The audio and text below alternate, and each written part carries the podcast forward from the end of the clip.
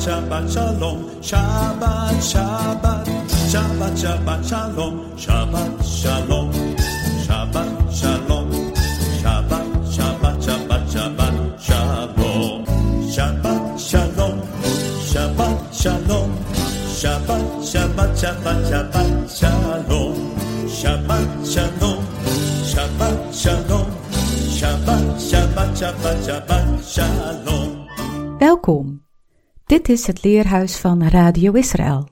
Met elke week de bespreking van een gedeelte uit de eerste vijf boeken van de Bijbel, de Torah, de Haftarah en het Nieuwe Testament. De presentatie is deze week in handen van Tony Jurg. Shalom en welkom bij deze nieuwe aflevering van het Leerhuis op Radio Israël. Deze Shabbat behandelen we Parasha Mishpatim. We beginnen met het lezen van de Toren uit het boek Exodus vanaf hoofdstuk 21 vers 1 tot en met hoofdstuk 24 vers 18. De haftige lezing van deze Shabbat komt deze keer uit het boek Jeremia. Hier lezen we vanaf hoofdstuk 34 vers 8 tot en met vers 19.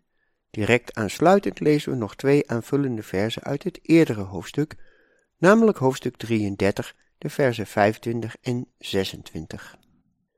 En tot slot heb ik ook nog een gedeelte uit het vernieuwde verbond genomen, namelijk uit Lucas 4, vers 1 tot en met 21. Afgelopen Shabbat in Parasha Jethro hebben we stilgestaan bij de tien woorden, die beter bekend staan als de tien geboden. Deze tien woorden vormen eigenlijk een aantal basisprincipes. En deze Shabbat vervolgen we met de Parasha Mishpatim, Hebreeuws voor voorschriften. En het zullen deze voorschriften zijn die de principes van de tien woorden verder zullen uitwerken. De benaming Mishpatim dekt zeker goed de lading. Volgens de rabbijnse traditie bevat de Toren 613 geboden en verboden. En in deze parasha vinden we er zo'n 52. Ik kan het exacte aantal niet precies aangeven, vanwege de verschillende interpretaties over welke tekstgedeelte precies die lijst van geboden en verboden vormen. Het zal u waarschijnlijk niet verbazen dat we deze Shabbat dus gaan hebben over voorschriften. Om alle 52 voorschriften afzonderlijk te behandelen zou te uitgebreid zijn. Gelukkig kunnen we ze wel groeperen om zo een totaalbeeld te krijgen. In Exodus 21 vers 1 beginnen we met de wetten over slavernij. Vanaf vers 12 worden wetten betreffende geweld behandeld en vanaf vers 28 gaat het over eigendomsrecht. Hoofdstuk 22 start met de wetten van de restitutie, gevolgd door sociale en religieuze wetten vanaf vers 16. En in hoofdstuk 23 vanaf het eerste vers ligt de focus op rechtvaardigheid voor iedereen, waarna vanaf vers 10 het Shabbatjaar, de Shabbat en de jaarlijkse feesten worden besproken. En vanaf vers 20 in hetzelfde hoofdstuk vinden we bevestiging van beloften aangaande het land Canaan. Het gedeelte uit hoofdstuk 24 kan dan worden gezien als een soort verzegeling van al deze voorschriften. Wanneer we nauwkeurig naar het begin van deze parasha kijken, vooral naar de openingszin, kunnen we daar al het een en ander in ontdekken. De parasha begint met Wa'elle hamishpatim, wat betekent, dit zijn de voorschriften, gevolgd door Ashir tashim lefanechim, oftewel, welke jij aan hen moet voorzetten. Ik kies hier bewust voor het woord voorzetten alsof men een gerecht aan iemand presenteert. Het gaat hier niet om een voorstel waarover de toehoorders kunnen oordelen, het kunnen accepteren of afwijzen. Verschillende Joodse commentatoren wijzen erop dat de Hebreeuwse uitdrukking die wordt gebruikt voor dat voorzitten vaak in verband staat met voedsel. Dit zien we bijvoorbeeld in Genesis 24 vers 33 of 1 Samuel 9 vers 24 en 28 vers 22. Maar als we nog nauwkeuriger kijken, zien we dat deze constructie ook voorkomt in Exodus 19, vers 7. En in de HSV staat daar: Mozes kwam terug, riep de oudsten van het volk bijeen en legde hen al deze woorden voor die de Heer hem geboden had. Omdat deze specifieke formulering slechts zes keer voorkomt in de hele tenag, geloof ik niet dat dit op toeval berust. In Parasha Jethro, in Exodus hoofdstuk 19, lezen we dat Mozes van zijn schoonvader het advies kreeg om bekwame, godvrezende, betrouwbare mannen met een afkeer van winstbejag aan te stellen als leiders over groepen van duizend, honderd, vijftig en van tien. Deze mannen zouden dan oordelen en recht spreken over het volk. En zo beschouwd vormt Parasha Mishpatim een soort richtsnoer dat aan deze groep van leiders werd gegeven om hen te helpen bij het rechtvaardig oordelen van het volk. De formulering van Exodus 21 vers 1 brengt bij mij het beeld naar voren van Mozes die, in opdracht van de eeuwige, al deze voorschriften als het ware moet presenteren aan deze groep van leiders. Dit herinnert mij ook eraan dat Mozes later, in Deuteronomium 8, zou zeggen dat de mens niet alleen van brood leeft, maar van alles wat uit de mond van de Heere komt. En Yeshua haalde dit gedeelte aan toen hij Satan weerstond tijdens de verzoeking in de woestijn. De woorden die de eeuwig heeft gesproken en die door Mozes zijn doorgegeven en opgetekend, zijn het die ons werkelijk leven kunnen schenken. Als we ons dit gaan beseffen, zullen we ook anders naar deze parasha gaan kijken, niet slechts als een soort wetboek, maar als gedeelte dat een leidraad geeft aan hoe men uiteindelijk als gezegend volk in het beloofde land zou kunnen gaan wonen. Of, zoals Exodus 23, de versen 25 en 26 zeggen, dan zal hij je brood en je water zegenen, en hij zal de ziekte uit je midden verwijderen. Er zal geen onvruchtbaarheid zijn, en je dagen zullen vol worden gemaakt. Het eerste voorschrift waar deze parasha mee begint, heeft betrekking op slavernij, een gevoelig onderwerp tegenwoordig. In de geschiedenis van Nederland vormt het slavernijverleden een zwarte bladzijde, iets waar we snel mee af willen rekenen, mee in het reine willen komen. Maar die negatieve associatie met ons nationale verleden zorgt er ook voor dat we niet open en onbevangen kunnen kijken naar wat de tekst hier in Exodus ons te vertellen heeft. En daarom wil ik deze keer graag juist daar wat stil bij gaan staan. In een tijd waarin slavernij een alledaags fenomeen was, vinden we hier een opmerkelijke reeks wetten die een andere kijk geven op dit systeem. Het begint met de Hebreeuwse slaaf, die onder bepaalde omstandigheden in dienst trad. Ik zal er straks nog op terugkomen welke omstandigheden dat kunnen zijn. Maar eerst wil ik met u graag terugkijken naar de tien geboden. Volgens de Hebreeuwse traditie beginnen die met de verklaring dat de eeuwige Israël bevrijdde uit de slavernij van Egypte. Dat vind ik een belangrijk punt. Zowel de tien woorden als hun verdere uitwerking in deze parasha starten vanuit het thema slavernij. De historische bevrijding van slavernij zou fundamenteel worden voor hoe de Hebreeën met slavernij zouden moeten omgaan. Zo lezen we dat slaven in het zevende jaar, het Shabbatjaar, vrijgelaten moeten worden. Nachmanides, een vooraanstaande middeleeuwse Joodse geleerde, legt hierbij een verband met het vierde gebod, of woord, dat over de Shabbat gaat, de zevende dag. Dit brengt mij terug bij wat Mozes zegt als hij de eerste keer verschijnt bij de farao. In Exodus 5 vers 1 lezen we namelijk, Zo zegt de Heere, de God van Israël, laat mijn volk gaan, zodat zij in de woestijn een feest voor mij kunnen vieren. De farao verzet zich en zegt in vers 5 zoiets als, Wil jij het volk laten sabbateren van hun slavenarbeid?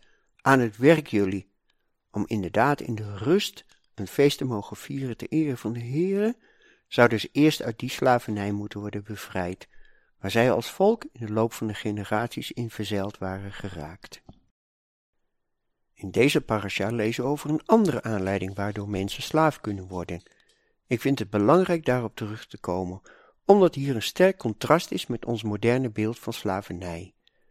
Op basis van de Torah zijn er eigenlijk maar twee redenen waarop iemand slaaf kan worden. Als eerste omdat deze verarmd is en zichzelf aanbiedt als slaaf, om eigenlijk in zijn eigen levensonderhoud te kunnen voorzien. Daarvoor zou ik willen wijzen naar Leviticus 25 vanaf vers 35. Een tweede mogelijkheid is wanneer een rechter een straf oplegt naar aanleiding van diefstal, zoals bijvoorbeeld staat in Exodus 22 vers 2. Vooral dat laatste is opmerkelijk. Er zijn namelijk geen gevangenisstraffen voorgeschreven voor diefstal, wel terugbetaling. En als dat niet kan, dan pas volgt slavernij.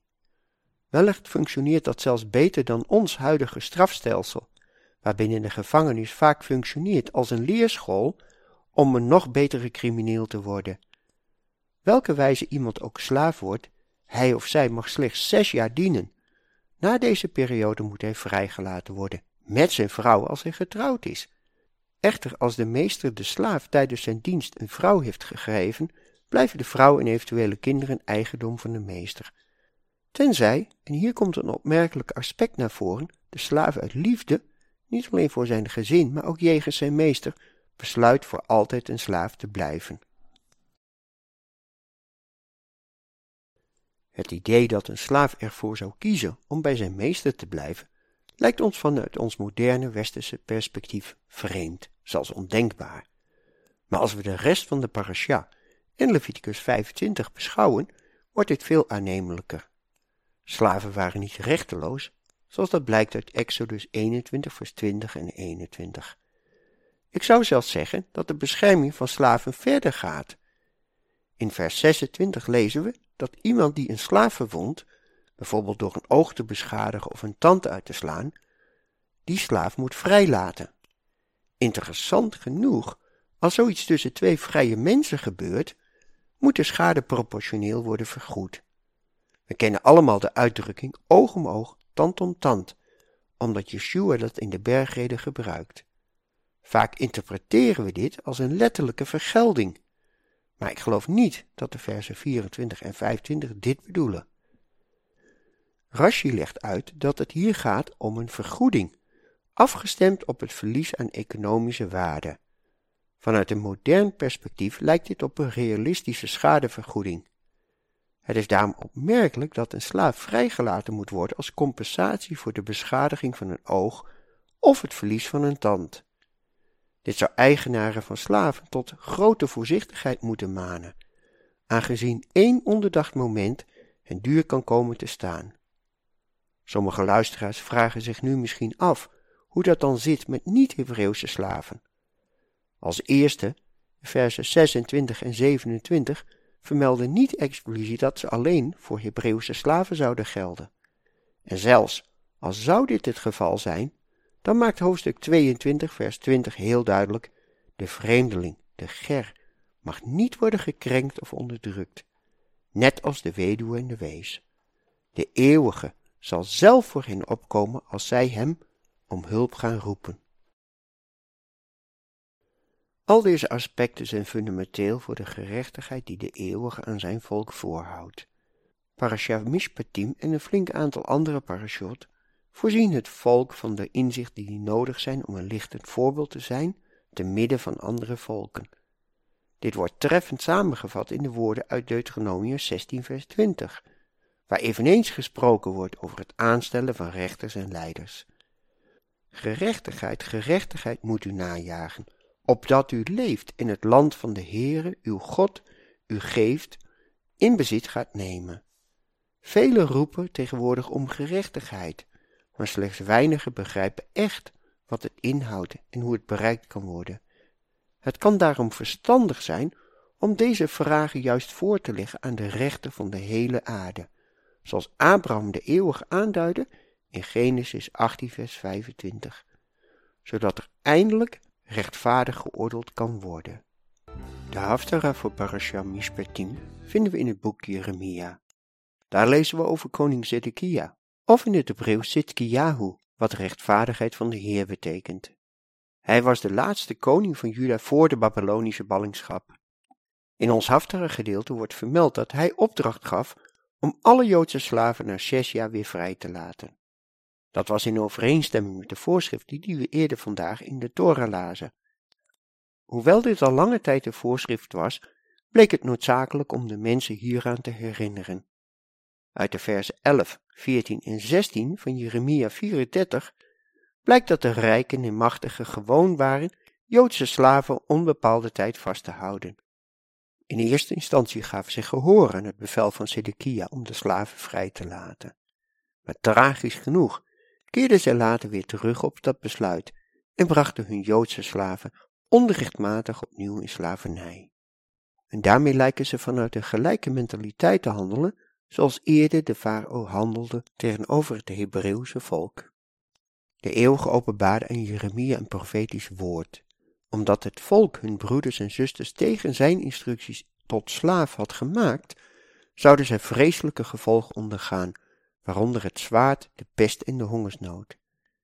Zedekia en zijn edelen zouden in de handen vallen van hun vijanden, namelijk de koning van Babylonië, die Jeruzalem zou veroveren en in brand steken. Het volk zou in zijn geheel in slavernij terechtkomen. Dit zou het tragische einde zijn voor deze parasha-lezing, waar het niet dat de twee versen uit hoofdstuk 33 ons een brede perspectief bieden. In de parasha wordt beschreven dat er na een vastgestelde periode vrijlating komt voor alle slaven, ongeacht of zij door eigen schuld of door omstandigheden in slavernij zijn geraakt. Dit principe zien we ook terug in deze twee verzen. Zo zegt de Heere, als mijn verbond met de dag en de nacht niet bestaat, als ik de vaste orde van de hemel in de aarde niet heb vastgesteld, dan zal ik ook het nageslacht van Jacob en van mijn dienaar David verwerpen, zodat ik geen heerser over het nageslacht van Abraham, Isaac en Jacob zal aanstellen. Want ik zal een ommekeer brengen in hun gevangenschap en mij over hen ontfermen. Terwijl het oordeel zich onvermijdelijk aandient, biedt de eeuwige ook het perspectief op herstel en vrijlating uit de slavernij. Ik zie een nog groter perspectief in de profetieën van Jesaja 61. Daar wordt een speciaal jubeljaar aangekondigd, het aangename jaar des Heren. Het lijkt op een Shabbatjaar met haar vrijlaten van slaven, die elke zeven jaar plaatsvond, maar gaat veel verder. Een jubeljaar, dat slechts eens in de vijftig jaar wordt gevierd, is praktisch gezien een unieke gebeurtenis in het mensenleven en het luidt een volledig herstel in. Het gedeelte uit het vernieuwde verbond dat ik heb gekozen voor vandaag is uit Lucas 4. Het beschrijft hoe Yeshua door de geest naar de woestijn wordt geleid om daar door de Satan te worden verzocht. Satan probeert Yeshua drie keer te misleiden met halve waarheden die oppervlakkig gezien gewoon correct lijken. Maar Yeshua's antwoorden laten zien dat hij niet enkel bekend was met een paar passages, maar met de gehele schrift. Hij bleek zich niet te hebben beperkt tot een aantal mooie Bijbelversen die wij zo graag als bemoediging op ons leesrooster of in de Bijbelab zien staan. Hij doorzag de verdraaiingen van de Satan en verweerde zich daarom effectief door te citeren uit Deuteronomium. Ik vind het opvallend dat Yeshua in zijn verweer tegen de verleidingen van de Satan nergens beroept op de status die hij had voordat hij zich had ontledigd in de gestalte van een slaaf, een dienstknecht had aangenomen, zoals we lezen in Filippenzen 2 vers 7.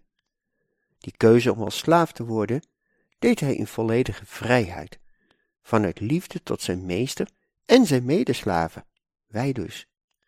En nog meer dan dat, Yeshua belichaamt zelfs het concept van een eeuwige slaaf. In Matthäus 20 vers 28 wordt zijn missie duidelijk. Hij kwam niet om gediend te worden, maar om te dienen. Deze houding van dienstbaarheid wordt verder geïllustreerd in Johannes 13, vers 1 tot en met 11, waar Yeshua de voeten van zijn volgelingen wast, een daad die zijn nederigheid en toewijding aan anderen symboliseert. En nog steeds vervult hij een dienende rol als pleitbezorger bij de Vader, zoals beschreven is in onder andere Romeinen 8, vers 34, Hebreeën 7, vers 25 en 1 Johannes 2, vers 1. In het tweede deel van Lucas 4 lezen we over een gebeurtenis in de synagoge van Nazareth. Hier leest Yeshua een passage voor uit Jesaja 61. Hij zei, De geest van de Heer is op mij, omdat hij mij gezalfd heeft om aan armen het evangelie te verkondigen, om te genezen wie gebroken van hart zijn, om aan gevangenen vrijlating te prediken en aan blinden het gezichtsvermogen te geven, om verslagenen in vrijheid te sturen, om het aangename jaar van de Heer te verkondigen. Yeshua stopt hier en verklaart dat deze profetie op dat moment in vervulling gaat. Interessant is dat het originele gedeelte in Jesaja verder gaat en spreekt over Gods ingrijpen, een mix van oordeel en uiteindelijk herstel, een waarlijk jubeljaar, iets dat onmiskenbaar nog grotendeels in de toekomst ligt. Ik beweer niet alles te weten, maar ik zou graag een verband willen leggen met de structuur van het scheppingsweek in Genesis. Daar wordt een mens opgedragen zes dagen te werken en op de zevende dag te rusten. In de parasha die we lazen gaat het over slaven die zes jaar moeten werken en in het zevende jaar vrijheid krijgen. Zou dit patroon van zes plus één, dat we ook vaak zien in de Moedim, de Bijbelse feestdagen, iets kunnen zeggen over de wereldgeschiedenis? Ik denk van wel. Dit patroon kan ook gezien worden als een metafoor voor de mensheid in het algemeen. De Bijbel zegt in Psalm 90 vers 4 en in 2 Petrus 3 vers 8 dat voor de Heer duizend jaar is als één dag. Dat idee vinden we ook terug in de Talmud, Sanhedrin 97a.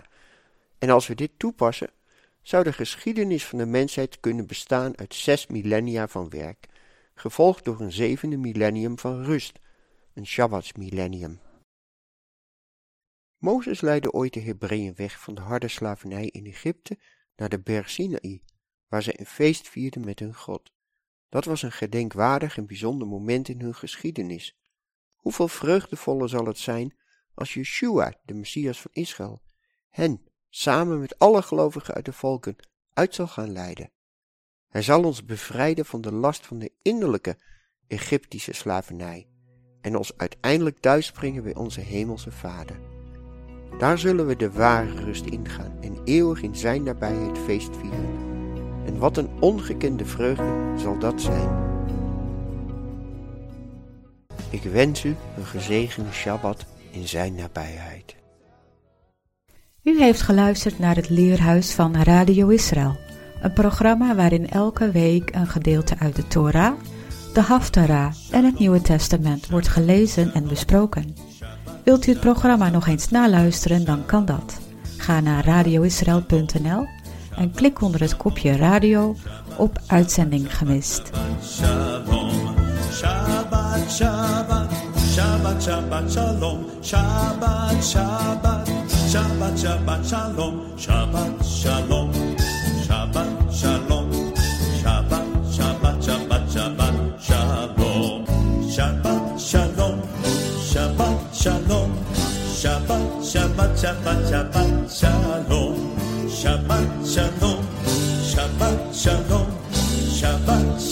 Shabbat, Shalom, Shabbat, Shabbat, Shabbat, Shabbat, Shalom.